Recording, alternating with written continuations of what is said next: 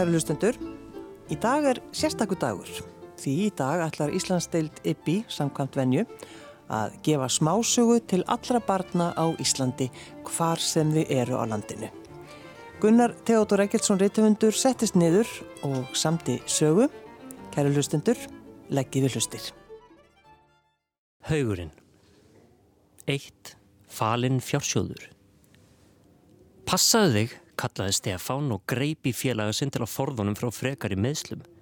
Pétur var nú þegar búin að reka höfuðið upp undir eina skurðgröfuna og festa fínu nýju úlpuna í gattavýr þegar þeir skriðuði gegnum gatið á girðingunni. Þarna var að næstum dottin um stóran málmbita sem lág halv grafin í drullunni. Úf, andarpaði Pétur og fótaði sig varlega áfram. Það vist ekki að ástæðu lausu að þetta er kallað bannsvæði. Svo þau geti eitthvað bannað okkur að koma hingað, svaraði Stefan fíldur og lagaði derhúuna. Við sem leikið okkurna sem vorum smástrákar á snjóþótum. Þögn lág yfir vinnusvæðinu því síðasti verkamæðurinn var farin heim. Strákarnir höfðu slórað eftir skóla til að geta laumast inn á svæðið í ró og næði og skoða sig um. Þeir virtu fyrir sér það sem eftir stóð af gamla hólnum. Það er eins og búið sér snúunum á runguna, saði Pétur og starði ofan í forar pittin. Hann klóraði sér í þykkum ljósum krullunum og hugsaði um allar stundurna sem þeir auðvitað leikið sér á svæðinu síðan þeir vinirnir kynntust í fyrsta bekk. Nú voru þeir báðir ornir 12 ára, næstum því unglingar, og þeim leiðin svo vinnuvélarnar varu búin að stela frá þeim hluta af æskunni. Vor gólan blés vært og loksins aði stitt upp eftir margra dagarregningu. Á botni grifjunar glitti í einhvað skert. Hvað er þetta? spurði Pétur og pýrði augun. Örgla bara hvað drasl, svaraði Stefán og fett upp á nefið. Það gæti verið vermætt, bætti Pétur við. Farðu bara niður og gáðu, svaraði Stefan pyrraður. Glætan, svaraði Pétur. Hann hafði rétt sloppið við slísvarir hinga til, óþarfið að storka örlugunum enn meir. Ég mana þig, saði Stefan og brosti stríðin. Æ, látt ekki svona, svaraði Pétur og harmaði nú að hafa látið plata sig inn á afgirt svæðið. Ég er eldri en þú, ítrykkaði Stefan og kvesti augun og vinsinn og ég manna þig. Þú verður að hlýða, annars segi öllum skólanum úr sérst skræfa. Eldri, jú, hugsaði Pétur, en hann leit út fyrir að vera yngri, var bæði lávaksnari og mjúri en Pétur og ekki hjálpaði að Stefan var klættur í allt og víðan jakka og leit því út eins og hálgerðu smákrakki. En hann var kæftfóringa síður og Pétur trúð honum alveg til þess að klaga í hina krakkana. Hann velti fyrir sér hversu erfitt prílið upp og niður yrði. Vandamálu var ekki að Péturum væri of djúpur heldur hvað hann var sleipur, brattur og blöytur. Gott og vel, svaraði hann að lokum, ég fer og kíki en þá máttu heldur ekki mana mér neitt meira það sem eftir er á skólaárinu, ok? Stefan kinkaði kollið til samþykis og Pétur fótaði sig varlega af stað. Þarna ávist að steipa grunn fyrir fyrsta háhísið, útskýrði Stefan af brúninni. Kanski þau getur bara sleft því og left þér að búa þarna niðri, eins og moldugur lítill hoppiti. Getur sjálfur verið hoppiti, hugsaði Pétur og einbætti sér að klifrinu. Hann reyndi að ganga með reist niður brattan en var varðla hálnaður þegar jafnvægið brást. Hann fjall aftur fyrir sig, rann á rassinum eftir slímugur í brekkunni og lendi með hamagangi í miðjum moldar feni. Að ofan bárus hlátrasköll. En Pétur letu ekkert á sig fá, heldur demdi höndunum ofan í blöyta drulluna til að finna glingrið sem glampað hafði svo fallega á. Hann var kvortið er orðin gegn votur þannig að litlu máli skipti þótt hann færi hálfur og bóla kaf í fjársjósleiðinni. Eftir þó nokkurt fálm náðan taki á fingerðri málm keðju sem satt först í leðjunni. Það er eitthvað hérna, kallaði hann upp til Stefáns sem svaraði bara með skríkjum.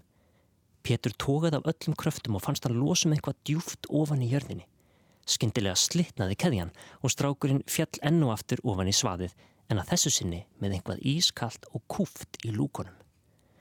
Hann virti fyrir sér gullfallegt silfur menn sem hann hafi fiskað upp úr skýtnum og var snöggur að stinga því ofan í úlpuvasan.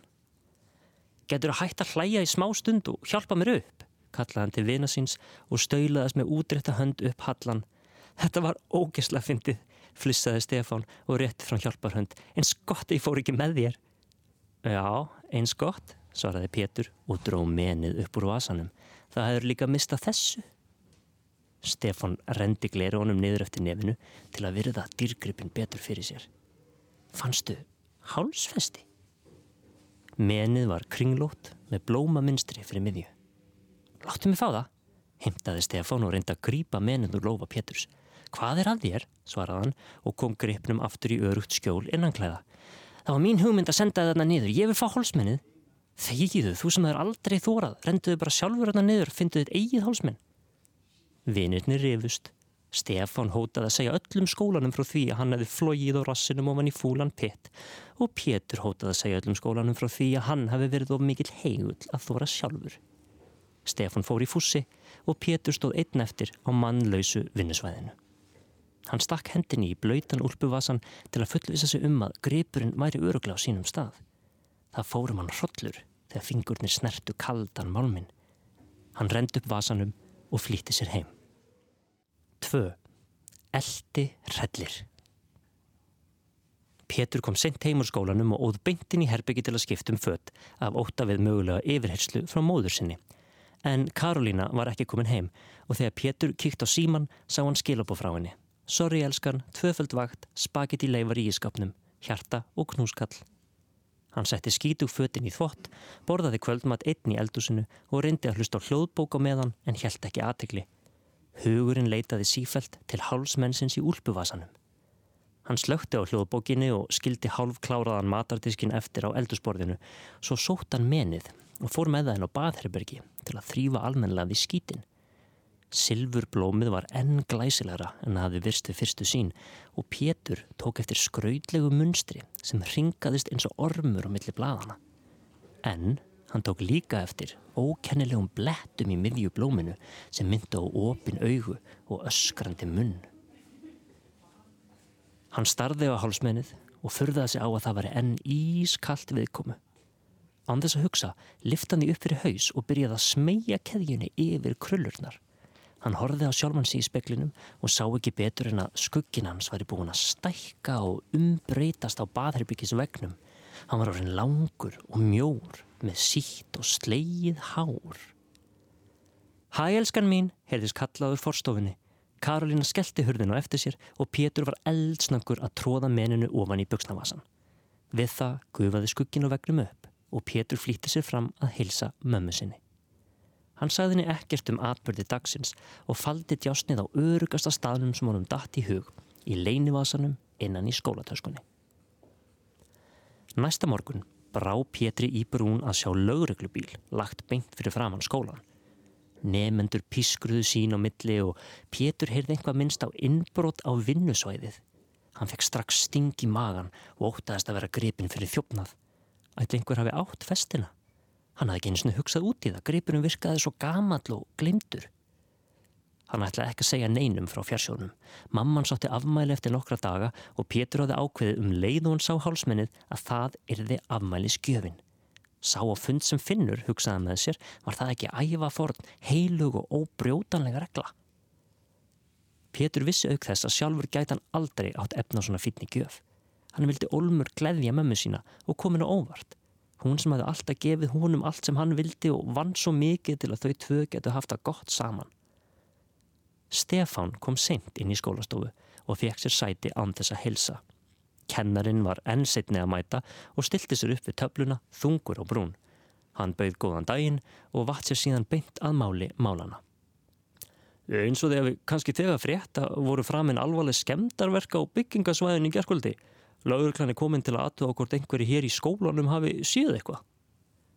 Allir í begnum voru að springa á forvitni og spurningunum ringdi yfir kennaran. Hvað gerðist eiginlega? Var einhverju rænt? Akkur löggan kom til okkar? Haldaði einhverju í þessum beksi skemdavarkur?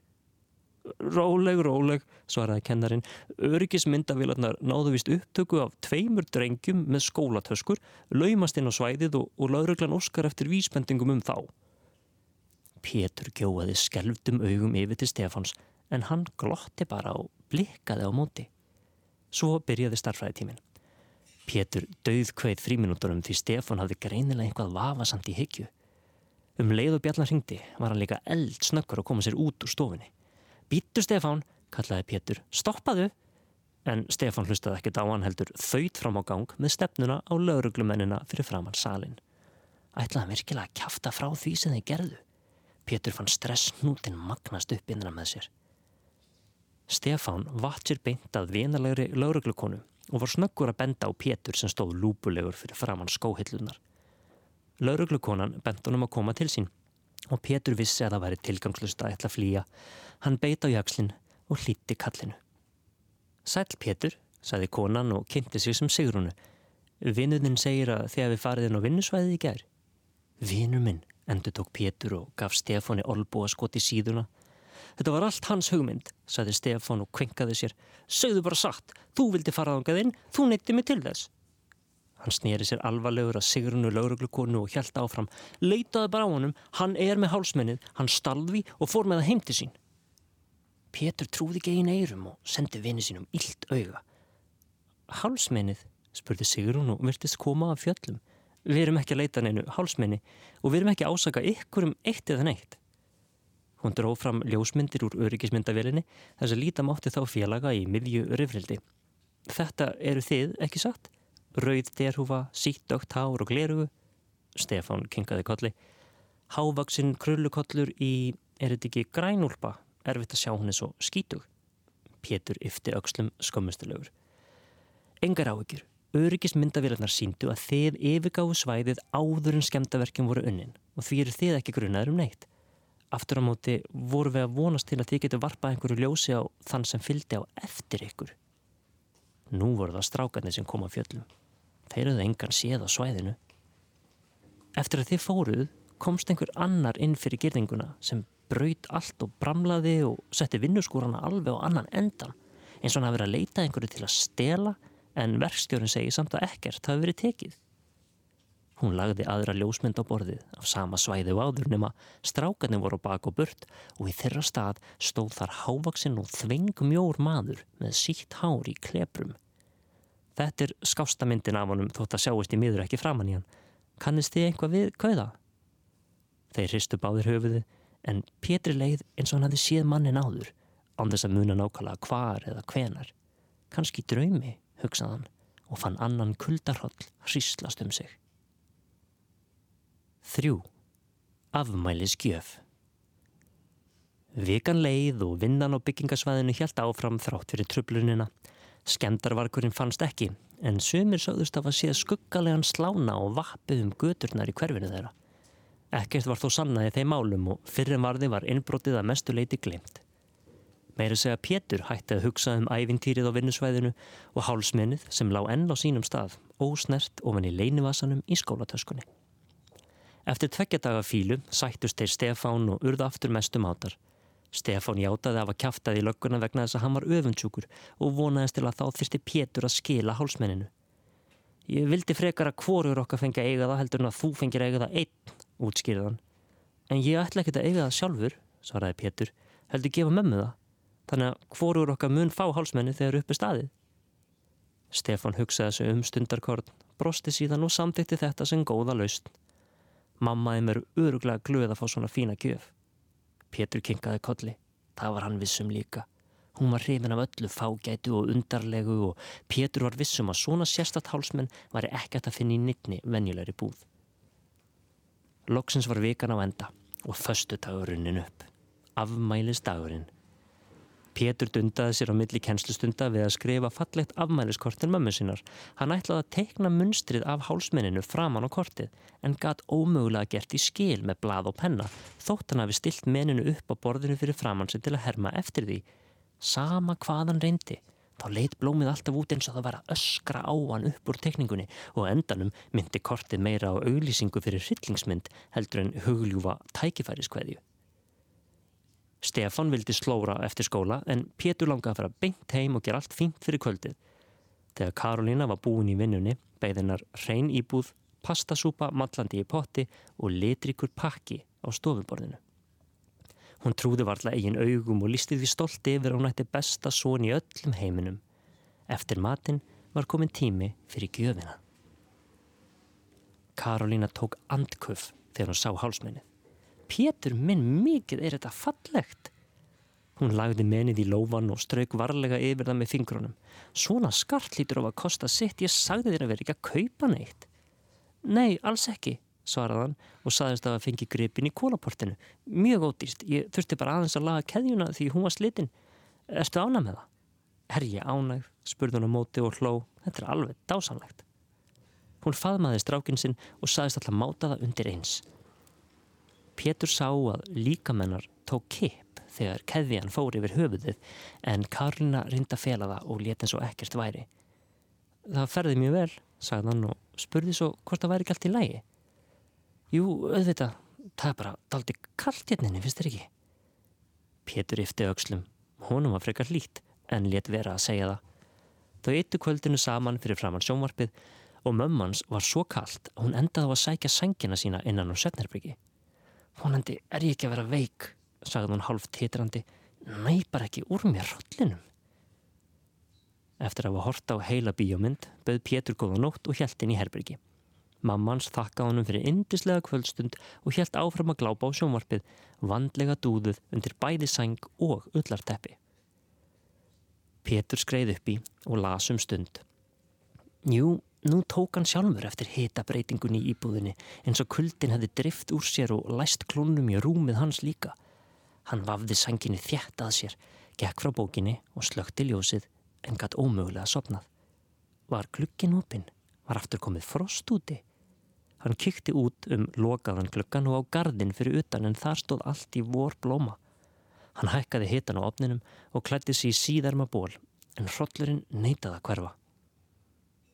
Pétur lá andvaka upp í rúmi þegar hræðileg óhljóð ómöðu innan á stofu. Fyrst herust brotljóð eins og einhver hefði mölmað glukkan og svo tóku öskarinn í mömmans við. Hann stökk á fætur, hljóp fram og fröys í dyrakettinni. Stóri glukkin var í rúst og gleri hafði ringt yfir sófan. Sjónvarpið hafði oltið um koll og pottaplantan og glukkakistunni lág í moldar bing á gólfinu. Það versta var samt að mamma Péturs var í hörðum slagsmálum við einhvert sem hafði ráðist inn til þeirra. Þau stóðu bæði upp í sófanum og Karolina var með báðar hendur á lofti til að halda árásar manninum frá sér. Hann var hávaksinn og þvengmjór og svo skítugur frá toppi til táar að varðla sást framann í hann. Pétri döðbrá að sjá mannin tegja fram fórugar lúkurnar og grípa um hálsin á mömmans en Karolína var fljóta bregðast við. Sítt og kleprað hárið á gestinum sveiplaðist til og frá og um leið og Karolína náði taki á því tógað hún eins fast og hún gat og reif sér lausa. Óbóðinni gesturinn misti jafnvægið og hrundi niður af sófanum með látum. Pétur! öskraði mammans og stökki við til svona síns, dróðan með sér út úr stofinni og skellti hurðinu eftir þeim. Það er ekki hægt að læsa, sagði hann alvarleg. Ég held hurðinni lokaðri á meðan þú sækir hjálp. Pétur virti mammi sinna fyrir sér. Hún var grútskítu í framann og á hálsinum eins og hann hefði velt sér upp úr drullupolli. Þau tóku kipp þegar lami var á hurðina hinum meginn frá. Flýttu þér! Pétur horfi á skartið sem hjekk utan um moldugan hálsin. Nú fór ekki á milli mála að innan í blóminu leindist manns andlit. Þarna sáist opin augu og æpandi munnur sem kallaði á hverð þann sem stóð handan hurðarinnar. Hálsmennið, kvíslaði Pétur, er rétt í þann munn sem annað högg hristi þau bæði. Um hvað erst að tala? spurði Karolína æst. Hann, hann er ekki að ráðast á þig, útskildi Pétur og byrjaði að losum keðjuna aftan á hálsinum á mömmu sinni. Ekki það nei, svaraði hún hæðnislega. Er hann kannski að reyna að faðma mig? Drifðu þið bara stað og fyndu síman. Nei, ég meina, hann vitt fá hálsminnið, svaraði Pétur og dróð djásnið af bringu móður sinnar. Svo stóð hann á fætur, tókaði Karolínu eftir sér og skildi menið eftir á gólfinu. Ertu alveg snar? Hún tókaði í hann á móti og hjælt á stað út úr íbúðinni áður en fullmennið myndi opna dyrnar og halda eltingalegnum áfram. Býttu, kvíslaði Pétur þegar stofutirnar opnuðust hægt og rólega. Karolína nam staðar í hæfilegri fjarlæð og fyldist grav kyrmi verunni byrtast í dýragettinni. Nú sá Pétur gestin skýrar. Molduga larfana, krækláta fingurna og grind hórað andlit sem myndi á lifandi hauskúpu. Hann skildi hverslags skrimsli hafði ratað inn til þeirra. Lifandi, dauður, uppvakningur. Tómar auktóftirnar mændu niður á gólfið og það brakaði í líkamannum þegar uppvakningurinn beigði sér niður og vitti upp hálsmennið með beina berum fingurónum. Hann tegði mjóa handleikina upp yfir haus og krækti festinni utanum hálsin. Andlitið gufaði upp úr blóminu og hálsmennið sjálft vertist hverfa inn í myrkan líkamann. En uppvakningurinn síndi maðginunum engan áhuga. Hann sneri sér rólega við og yfirgaf íbúðina sömu leið og hann hafi komið. Í gegnum gluggan og út í gard. Viltu gjöra svo vel að koma aftur yngað? Hvæsti Karolína þegar hún sá són sinn príla yfir gluggakistuna og fylgja óvættinni út í nóttina. Mér langar að sjá hvert hann fer, svaraði Pétur og gekk skólaus út á mjúka grasflutina. Hún var ekkert kallt lengur. Karolína sótti inniskona sína og fylgdi á hæla sonar síns. Fremstur í flokki fór uppvakningurinn. Hægt og rólega þrættan þögglar göturnar með stefnuna inn á vinnusvæðið hjá gamla hólnum. Mæðgininn gengur saman síðasta spölinn og stiltu sér upp við gerðinguna með gott útsýni yfir stóru hóluna. Þau heldu þjætt utanum hvort annað og fyldust með uppvakningnum hverfa aftur ofan í vota gröf. Fjögur. Drauga haugur. Pétur stóð upp á hólnum og dáðist að nýja upplýsingaskiltinu. Þar kom fram að gamli hóllin hafi í raun og veru verið haugur, upphækkaður gravreitur og sá stærsti sinna tegundar hér á landi. Talið var að hér hefði stór höfningi verið jarðsettur og haugurinn væri að minnstakosti frá tímum vikingana. Öðvitað kom öllum og óvart þegar uppkomst að höfðingleg gröf væri hverfinu, öllum nema maðginunum. Karolína vissi vel að lítið þýtt að segja fólki að uppvakningur hefði ráðist inn í stofuna þeirra og síðan lagst til kvílu og miðju byggingarsvæði en henni stóð stuggur af tilugsunum um að draugurinn lægi þarna áfram og gæti valdið usla á ný. Þannig að strax næsta dag held hún niður á skrifstofur forlefastofnunar og útskýrði að sonurinnar hefði fundið gamalt skart í grifjunni og hún hefði grunum að þar leindust líka mannabein. Þau sögðu aldrei neinum sannleikan. Pétur saði ekki einu svoni Stefáni frá því sem hafi gerst. Karolina vonaði að beinin eruður fjarlæg með öllu og sett í gemslu á þjóðminnarsatninu svo hún þyrti ekki lengur að hafa ávíkjör á uppvakningum í nákvæmninu. Gröfin var rannsökuð í þaula, en beinin voru ekki fjarlægð. Þvert á móti var ákveðið að láta gravritin standa sem þjóðminjar. Byggingasvæði var fært sunnar og haugurinn endurreistur í fyrri mynd og þar með fekk höfðingin að kvíla áfram í friði og uppvakningurinn leti ekki aftur á sér kræla. Ætlar ekki að renna þér? spurði Stefan með gamla sleðan sinn í eftirdrægi. Þeir voru byrjaði í unglingadeildinni en ekki orðinir of gamli til að bruna smá. Nú hafðu þeir fengið leiksvæðið sitt aftur nema hvað nýja hóllin var ennþá skemmtilegur enn sá gamli því að allir vissu að undir fótum þeirra og rössum kvildi eld gamanli vikingur. Krakkarnir kölluðu þetta draugahólin þótt ekkert þeirra hefði séð alvöru draug. Jú, ég kemur til smástund, svaraði Pétur og fyldist með fyrstu bekkingunum leika sér í snjónum fyrir neðan. Hann langaði bara að setja aðeins lengur að nöppi.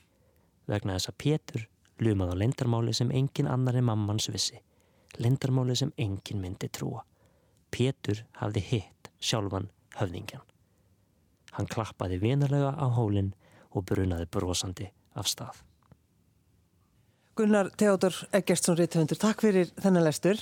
Já, takk. Það var kannski spurningin, sko, hvernig er að semja sögu fyrir börn sem er, já, bara frá 6-16 ári í rauninni? Er það ekki svona, það er rauninni kannski reglan? Jú, maður er með ansi breiðan hlustendahóp þarna og, og það er aldrei erfitt að, að finna sögu sem næri einhvern veginn, að maður hugsa kannski út, svolítið út frá miðjunni en ég, mínar bækur uh, svona er oftast fyrir miðstígið svona kannski 9 til 12 og svo reyndar það er alltaf að verða aðeins svona alvarlegri og floknari Já. og orðnar meiri unglingabæku núna þess að síðustu.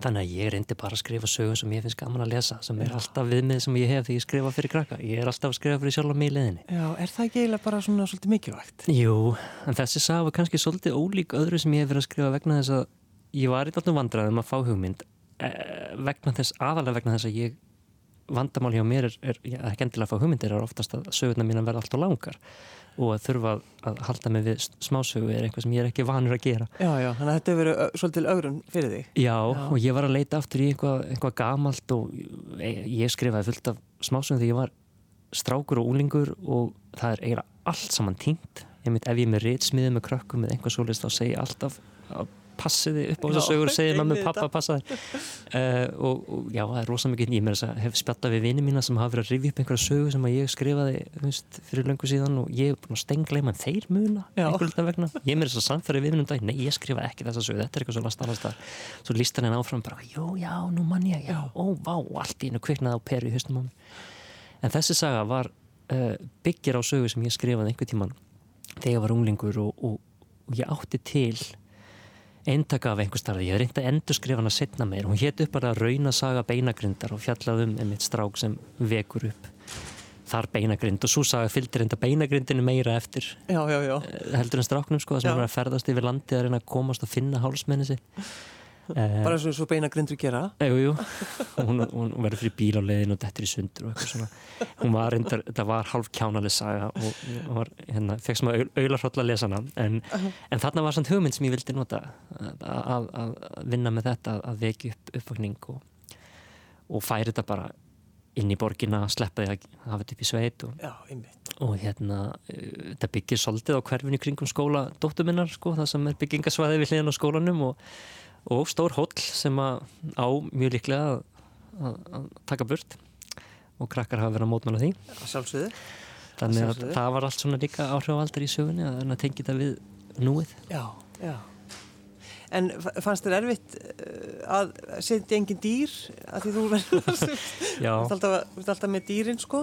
Jú, mín að sögur snúast miklu liti að ég ætla að reyna að hafa einhver, einhver dýr og í, í nýjastu bókinni sem ég er að ég, ég mun, mun koma setna á árinu síðasta bókinni í þrýleiknum um hana dísu, draugadísu. Já, akkurat. Þar eru dýr, með það er fólk að breytast í dýr og svona sko. Uh, en ég ætlaði uppalega að reyna að skrifa dýrasögu. Mér langaði það, fyrst ég var með einhvern veginn eiru krakka um all land að, að reyna að skrifa sögu og, og það var bara einhvern veginn aðeins svo flókið. Ég er að spara það, Já. að skrifa sögu. Mér langaði að skrifa sögu út á sjónarhóli kindar. Já já, og eða jafnvel, já. Eða sels líka. Vist, það er alls konar svona, ég er búin að lesa svo mikið á gamlum íslenskum dýrasögum, þar eru svo stórkoslega skemmtilegar. Og, og mér langar svo einhvern veginn endurvekja þá hefð. Hún er aðeins að kvikna, það er fólk er að hafa áhuga kindasögur og, og, og sem kom út í fyrra og svona en, en, já. þannig að já, það er ekki dýri þessari í staðin er það bara já. það, það er, er hinn hinn ástriðan hjá mér, það er hryllingurinn Já, er það ekki? Jú, það fennur undar oft saman dýr og hryllingur en það er önnus að uh, Jú, hryllingur, ég, ég las ég sótti svo mikið í hrylling þegar ég var strákur sjálfur hann að sögurna mínar, ég, ég fer strax þánga þegar ég byrja að leita hugmyndum sko. og ég líka finn það þegar ég lesur í krakka þegar ég finnst það alveg af skemmtilegt flestum eins og mér fannst sko. Nú, ég sótti í þjóðsögurnar langmest. Ég man mjög vel eftir, þetta voru strömmkverf hjá mér að finna þjóðsögurnar upp á skólabókasatni og fatt að maður þurfti að fara í gegn marga leðilega sögur en þegar maður fann eina góða Já. þá voru það ransi svæsnar. Já, þá, og maður fekk gæsa húð það var bara þannig. Svo útskjöfast ég það að nýfur ég að fara að lesa einhver, einhver rillinga, ég var hann núlingur en ég meðlast mikið af þessu sko og þjóðsögurnar hafa alltaf haft svona áhrif líka sko. Og þetta er náttúrulega bara voða klassist uppvakningur og, og vikingur og, og allt það sem ég er að nota í þessari Gunnar Teodor Eggertsson, hvernig fannst þér að, sko, að lesa fyrir öll þessi börn sem eru sem voru núna að hlusta og eru kannski ennþá að hlusta á okkur? Sem eru ekki búin að slakka á dörpinu Ég vildi áska að ég gæti séð inn í einhverja af þessum skólastofum. Að það var skrítið að sitja bara hérna við hljónumann og ímynda sér. Ég hverf bara inn í söguna menn ég er að lesa og ég veit, svona, veit valla hvað ég er. En, en það er ótrúlega tilfinning að mitt hugsa til þess að séu svona margir búin að vera að hlusta á þessa sög ég hef aldrei nátt til svona margra í einu Nei. og ég var nú í mörg ára á frísundaheimili eh, í hlýðaskóla sem að ég var með reglulegan söguklub og það var alltaf rosa gaman og ég las alls konar sögur og samti fyrstus bókina mína þar sem framhaldsögur fyrir krakka og ég er alveg vanur því að sitja og lesa fyrir krakka en ekki meirinn 20 í einu nei, nei. í mestalagi sko. e eitt, kannski eitt bekk, eitt bekk já. Já. En, en þetta er uh, alveg hálf óraumurulegt Já, en sko menningarleg dýrafræði. Ég, ég get ekki slepptir út í Já. daginn. Ég verði aðeins að fá að vita hvað það er eiginlega. Já, svona þegar ég er ekki að skrifa eh, bækur þá er ég að í, í bó, bóka og bókmyndafræðum að skoða dýr í bókmyndum og dýr líka útrið það, dýr í bíomyndum dýr í, í, í samtímanum. Hvernig við hugsaum um dýr og hvernig við tölum um dýr og segjum frá dýrum og, og hvernig það hefur áhrif á hvernig við komum fram við dýrin. Það er svona sem ég sér af mig Og býtu, þetta eru er er fræði? Þetta eru fræði, þetta eru frekar ný fræðigrein sem er semst ekki náttúruvísindi, þetta er ekki að skoða dýrin í, í út frá dýrafræði og náttúruvísindum heldur út frá samfélaginu og út frá menningunni, út frá hinsbyggi og uh, út frá bara rauninni sambandi okkar við dýrin sem er æði flókið uh, og er margar erfiða spurningar í kringum það mm. um, og sem ég finnast óendonlega áhugaverðar og ég hef sérstaklega verið að skoða gamlar íslenska dýrasögur eins og ég saði einn á þann og, og, og hérna Þá erstu að tala um þessar gömlu bara svona sögur sem maður las þegar maður var lítill Ég er að tala um, já, ég er að tala um 19. aldar, meirinn 100 ára gamla sögur sem reyndar, já, eru eiginlega glindar núna en voru skrifaðar á sama tíma og var verið að byrja að kynna hugmyndunum dýravernd fyrir Íslendingum. Það var bara ekki til og það var Tryggvi Gunnarsson frægari fyrir að vera bankamæður